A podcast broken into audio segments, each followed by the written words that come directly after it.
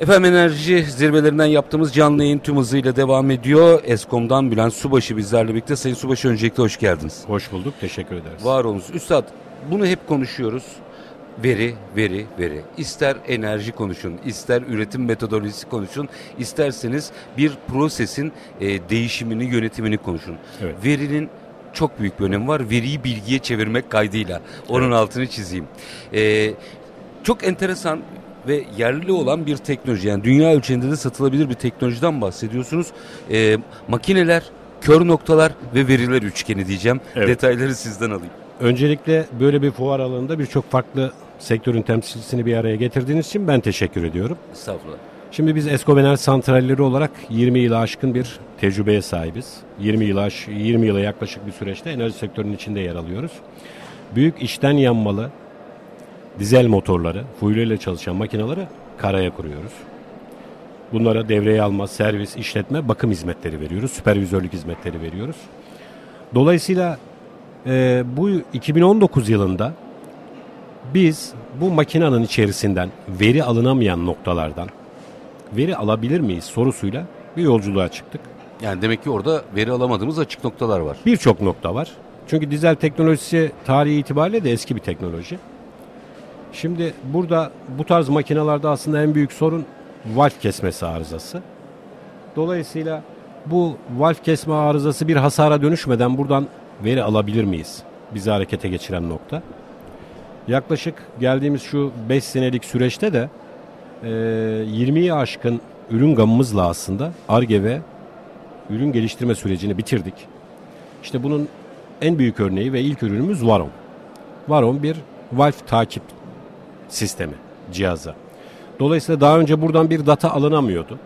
Niye alınamıyordu? Onu da açabilir misiniz? Alınamamasının sebebi şu, e, makinenin içine kablolu ve batarya ihtiva eden sensör gruplarını veya herhangi bir ölçüm cihazını sokamıyorsunuz. Çünkü makinenin içi sıcak bir ortam ve hareketli bir ortam. Sıcak yağ. Değişkeni sıcak çok. Evet değişkeni çok.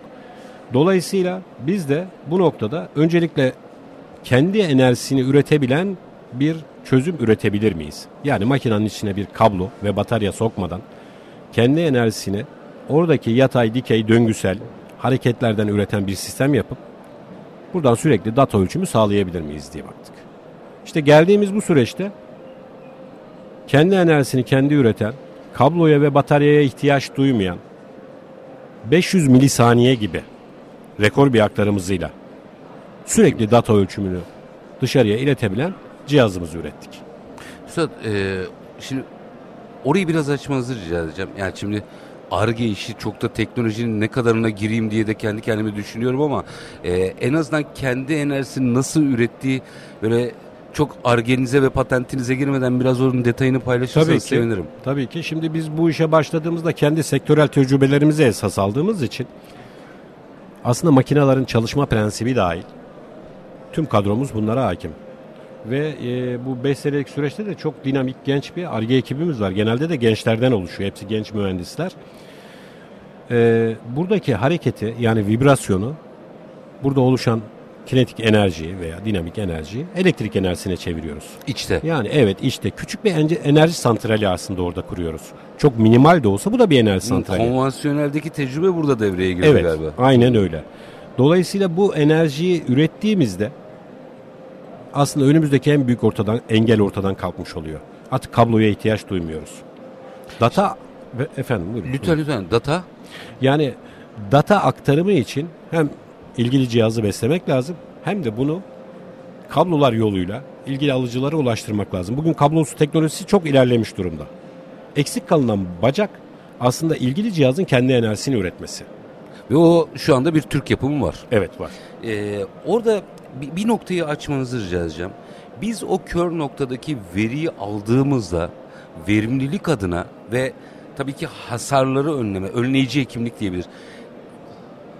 Performans ne kadar e, aşağı yukarı bununla ilgili en azından laboratuvar bazında yaptığınız ölçümler size ne çıkarttı?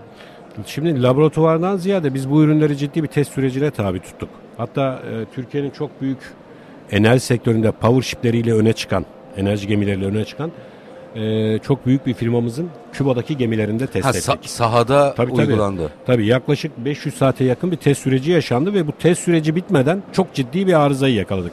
Bir valf kesmesinin önüne geçildi. Şimdi valf kesme arızası diye baktığımızda bu işte 100 bin euroluk bir masraftan da başlayabilir. 3-5 milyon euroya kadar da çıkabilir. Ama bir enerji santralinde ise makinenin durması, yeniden aktif edilememesi çok maliyetli başka sorunlara yol açacak veya bir gemi seyir, seyir halindeyken geminin durması, rotanın uzaması bunlar hep maliyeti arttıran etmenler. Buradaki asıl olay arıza oluşmadan ya arıza hasara dönüşmeden aslında ilk sinyalleri verdiğinde bunu yakalayabilmek. Bunu yakaladığınız an hemen gerekli önlemleri alarak, gerekli çözümleri uygulayarak sistemin akışını, devamlılığını sağlıyorsunuz.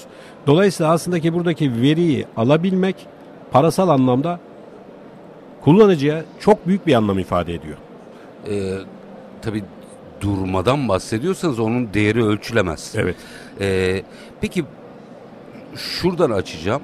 Veri tamam veriyi aldım. Benim veriyi doğru okuyup bilgiye çevirmem için yapmam gereken ne? Bir de çünkü oradan gelen veriyi algılamam lazım. Tabii tabii.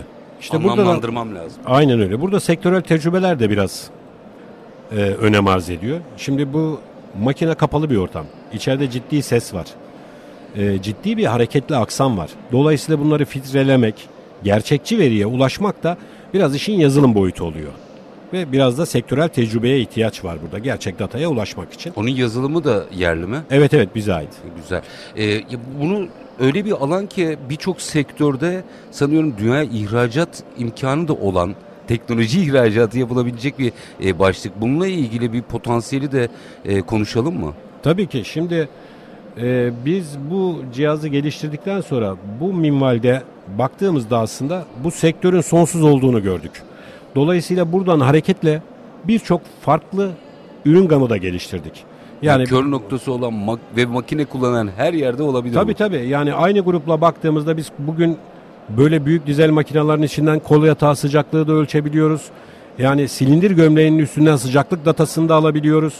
İşte crankcase'in üstünden ilgili sıcaklığı da ölçebiliyoruz ve bunların hepsini kablosuz bataryasız olarak yapabiliyoruz. Ama normal sektöre şu an bütün fabrikalara hizmet eden alana baktığımızda da şu an bizim Vites ve Vipres diye geliştirdiğimiz iki tane ürün var.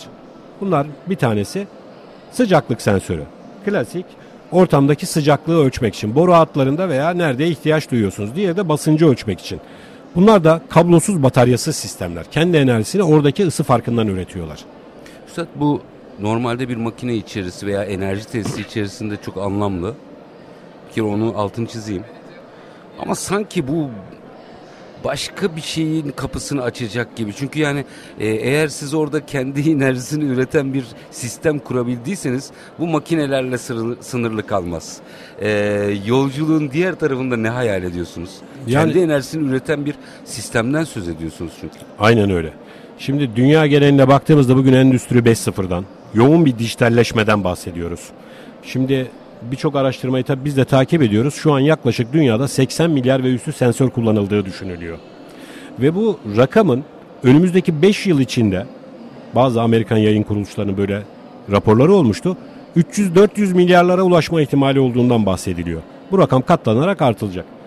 Dolayısıyla buradaki ana esas da işte veri alabilme ala- daha önce veri alabilme, alamadığımız noktalardan veri alınabildikçe bugün sürekli dile getirilen bu endüstri 4.0, 5.0 dijitalleşme aslında gerçekçi anlamını o zaman kazanacak. Bugün aslında birçok noktada yalnızca laftan ibaret. Yani makinelerin Bir yolculuktan ibaret diyelim. Evet, aslında. evet. Yani endüstri, şimdi makinelerin iç aksamlarının, hareketli aksamlarının birbiriyle haberleşmesinin önünü açan bir yol bu. Ve bu e, sadece makinenin içinde kalmaz.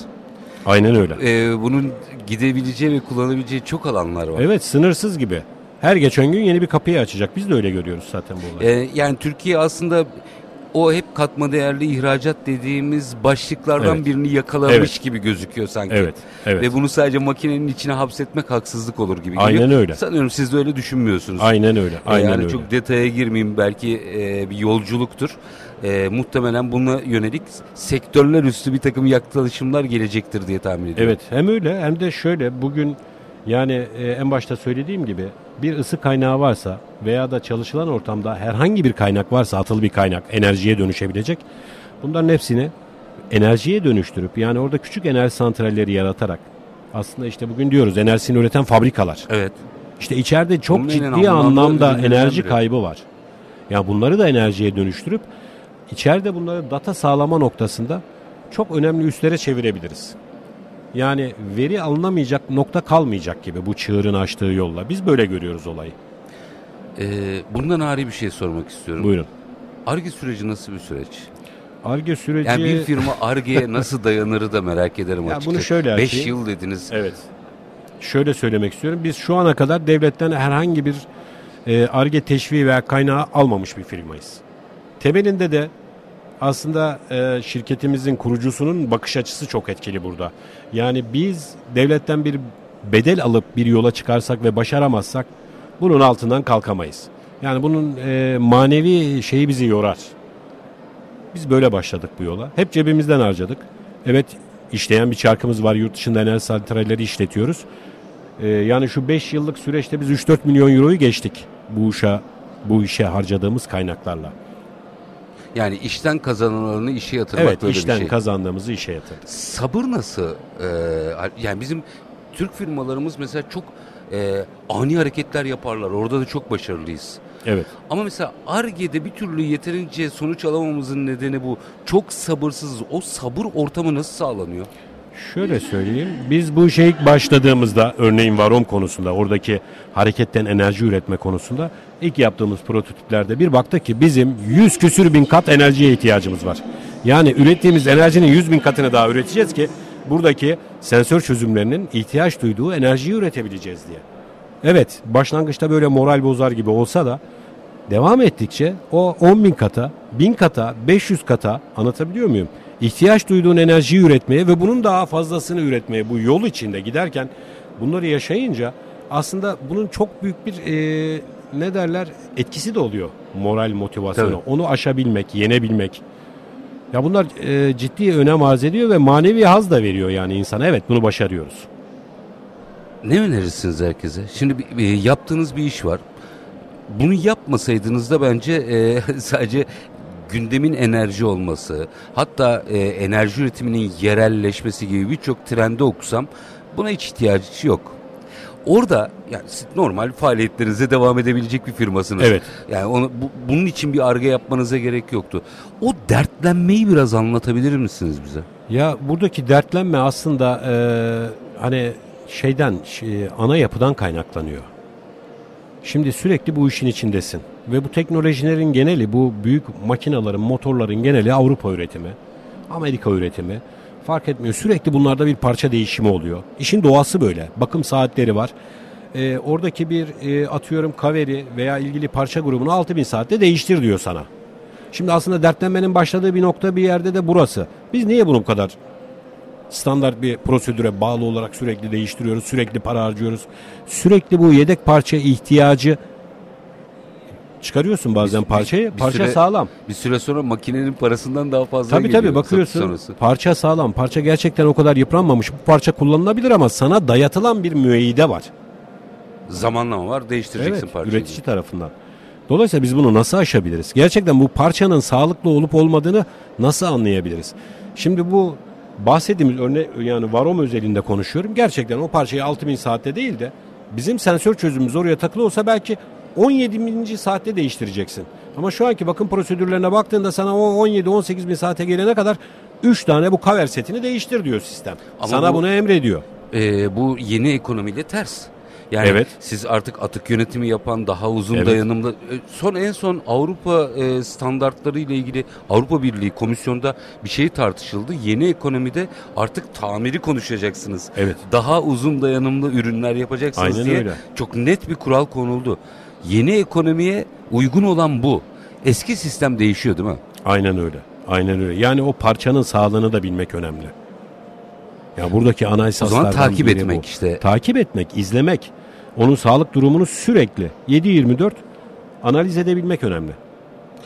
Bu açıdan baktığınızda aslında e, çok yarına ilişkin bir şey konuştuğumuzu fark ediyorum. Evet. Yani bugün evet bugün bir arge çıktısı diye anlatıyorsunuz bunu ama e, kullanılacak alanlar, sensör, sensörün kendi enerjisini üretmesi gibi e, bence ucu bucağı olmayan noktalara gidebilir bu iş.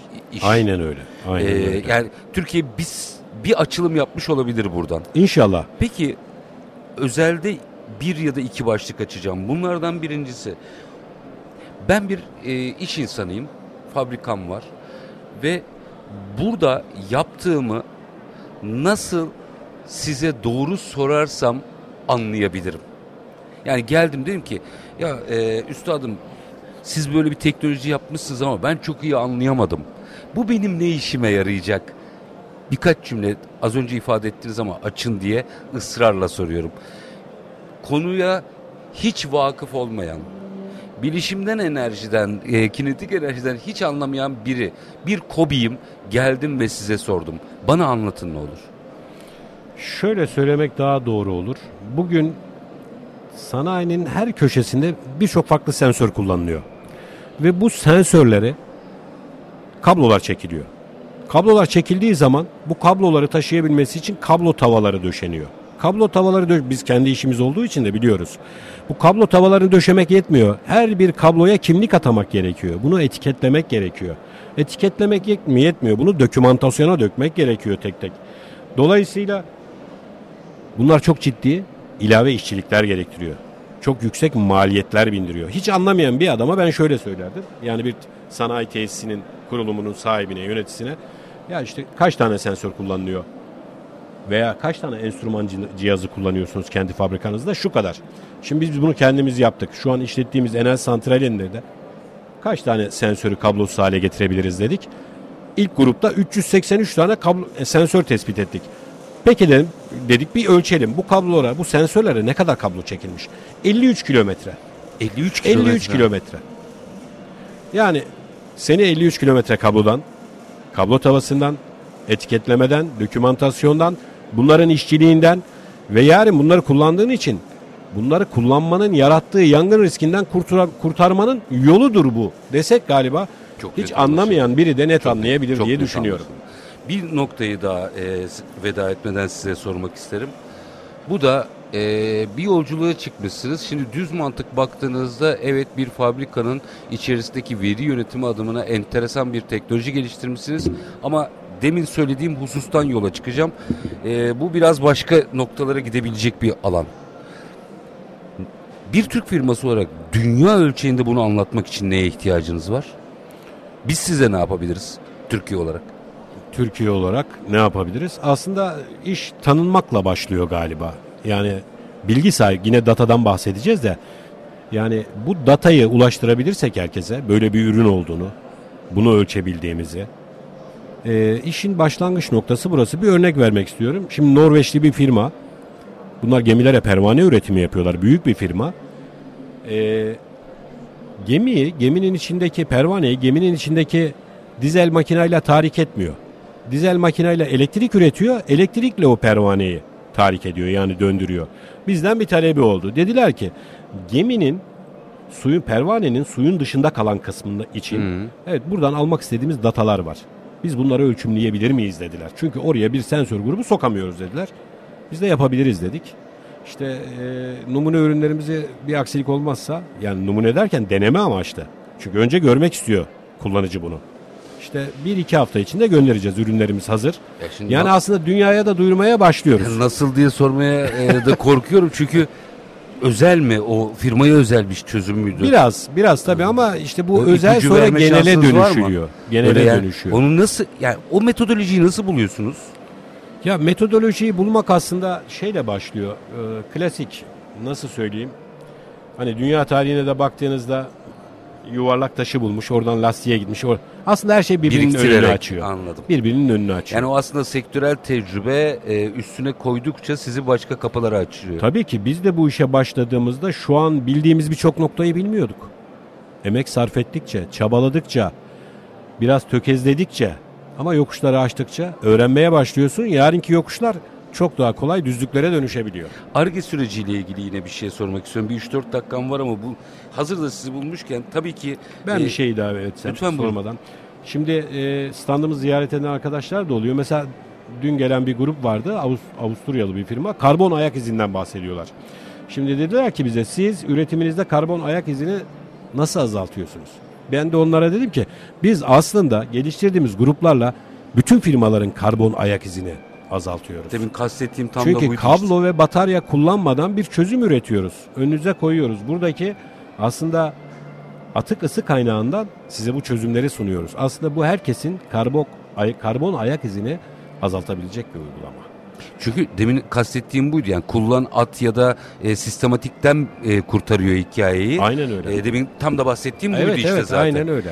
E, Betimlemiş olduk olayı. Evet evet net oldu. Arge felsefesiyle ilgili bir şey sormak istiyorum. Belki bu konuştuklarımızdan ağrı ama bu yolculuğun bir parçası. İnsanı, insan derken firmayı kastediyorum tabii. Yorulduğu bir an oluyor mu? Oluyor tabii ki. Yorulduğu hani vazgeçmek değil de Yorulmak başka bir şey. evet yorulmak başka bir şey. Yorulduğu, morallerinin bozulduğu yani bu bu aşamayı nasıl aşabileceğiz diye ciddi anlamda bir enerji harcandığı dönemler çok fazla oluyor. O süreci nasıl yönetmek gerekiyor? Sabırla işte az önce en başta dedik ya sabır ve sabatla çalışarak. Başka çaren yok çünkü bunu aşman lazım. Bu engeli aşmak tek çaren. Olaya böyle bakarsan bir şekilde de aşıyorsun. Ee, şimdi demin bir ifade kullandınız. Üstüne koydukça yeni bir kapı açılıyor. Evet. Şimdi bunu koydunuz. Sonrası için var mı akılda planlar? Var. Şu an e, mesela bizim yoğunlaştığımız şeyler genel olarak dediğim gibi bu makine içi haber alınabilme sistemleri, data alınamayan körsar noktaları artık görülebilir ve duyulabilir yapalım. Ana prensibimiz buydu. Sıcaklık basınç sensörleriyle devam ettik. Yarın çok daha farklı sensörlerle bu işi yapmak istiyoruz. Mesela bazı fikirlerimiz var. Örneğin bugün e, tüm şehirlerde her taraf normal şehir içi voltajının geçtiği e, elektrik iletim tesisleriyle hatlarla dolu. Yani oradaki elektromanyetik akımdan bir kelepçe gibi bir sistemle oradaki rezonanstan elektriğini üretip yine kendi enerjisini üretecek bir kamera sistemi. Kamerayı faaliyete geçirelim. Emniyet bile kullanabilir, firmalar kullanabilir. Takacak ve kamera faaliyette. Kablo yok, hiçbir şey yok. Bütün çözümler düşünüyoruz. Ya bunun aslında düşündükçe sonu kalmıyor. Yani bir askerin boynuna vücut ısısından hani buradaki data aktarımızı çok önemli değil. Askerin künyesi gibi bir şey yapalım. Vücut ısısıyla dışarıdaki atmosfer farkından askerin yerine 5 dakikada 10 dakikada bir biz GPS sistemiyle yerini bildirebilsin. Bunlar aslında yapılabilecek işler Ki aslında. o da kriptolojiyle olacaktır Tabii tabii. tabii muhtemelen. aslında aklımızda böyle şeyler var. Ama bu bir süreç. Aktıkça hızlanacak, hızlandıkça akacak. Valla yüreğinize sağlık. Çok teşekkür ediyorum. Ee, ama Ben sanıyorum bu ederim. bakış açısının ve felsefesinin aslında Türk reel sektörüne hakim olduğu gün biz bir şeyleri değiştirmeye Evet. başlayacağız. Katma değer böyle başlayacak. Yoksa işte 1 liralık ürünle 3 lira yapmak değil bir şey yaptığınızda zaten 5 liralık ürün e, haline geliyor. Galiba Arge burada devreye giriyor işte. Aynen öyle. Yani bu iş bir tek yerli milli diyoruz ama yani dışarıdaki bir numune ürünü alıp da onu millileştirmek değil, onun önüne geçmek. Onun gerçekten önüne geçmek. Onun düşünebilmediği, düşünemediğini düşünüp onun sende kopyalayacağı bir şeyi yaratabiliyorsan evet. Aslında Japon mucizesi de bu değil miydi? Tersine mühendislik ve üstüne koymak. Aynen öyle. Çok teşekkür ediyorum. Çok keyifliydi. Ben teşekkür Ee, ederim. ve e, sanıyorum sizle daha bir süre sonra bambaşka şeyleri konuşuyor olacağız. İnşallah. Ama ben bu teknolojinin e, çünkü ben bu teknolojinin e, sadece makinelerin kör noktasında kalacağı kanaatinde değilim. Evet. Enteresan bir e, arge çıktısı olmuş. Bugün için çok önemli tabii ki. E, yani bu e, valflerin kesimiyle ilgili problemi çözmek o bir ürün. Evet. O bir ürün sadece ama buradaki teknoloji neredeyse sektörler üstü çok daha farklı yerlere gidebilecek Aynen bir arge çalışması. Aynen öyle. Ee, yani makinenin içinden çıktı, denizin altına girdi. Fabrikalardaki tüm sıcak kaynakları kullanabilecek, orada ihtiyaç duyulan dataları aktarabilecek bir sisteme dönüştü. Yarın çok daha farklı şekillere dönüşeceği aşikar aslında. Bugünden gözüküyor. Üstad iletişimde kalalım. İnşallah. Çünkü biz de o sayede dinleyicilerimizle bu teknolojik yolculuğu e, paylaşma e, fırsatı erişiriz. Eskom'dan Sayın Bülent Subaşı çok çok teşekkür ederim. ben çok efendim. teşekkür Var ederim. olun. Sağ olun, var olun. Çok teşekkür ediyorum. Efendim e, gördüğünüz gibi aslında burada e, elbette belli başlı teknolojiler, yazılımlar, e, enerjiyi verimli kullanmaktan enerjiyi üretmeye kadar affedersiniz çok konuşunca arada oluyor böyle kusura bakmayın. E, çok sayıda e, dönüşüm yolculuğu konuşuluyor. Ama herkesin derdi verimlilik, data, dataların okunabilmesi, datalardan, verilerden bilgi aktarabilmesi. Çünkü katma değerli bir Türk reel sektörünü böyle sağlayacağız. Endüstri zirvelerinden canlı yayınımız devam edecek. Biz bugün size bir teknolojiyi paylaştık ama sadece o teknolojiyle kalmadık. O teknolojinin üretim sürecindeki felsefeyi, mantığı, bakış açısını da sizlere ulaştırmak istedik. Bence bu bakış açısını herkes kendi işinde bir şekilde sirayet ettirerek kullanabilir ve bambaşka teknolojilerin de kapısını açabilir. Kısa bir ara aranın ardından endüstri zirvelerinden canlı yayınımız devam edecek. Lütfen bizden ayrılmayın.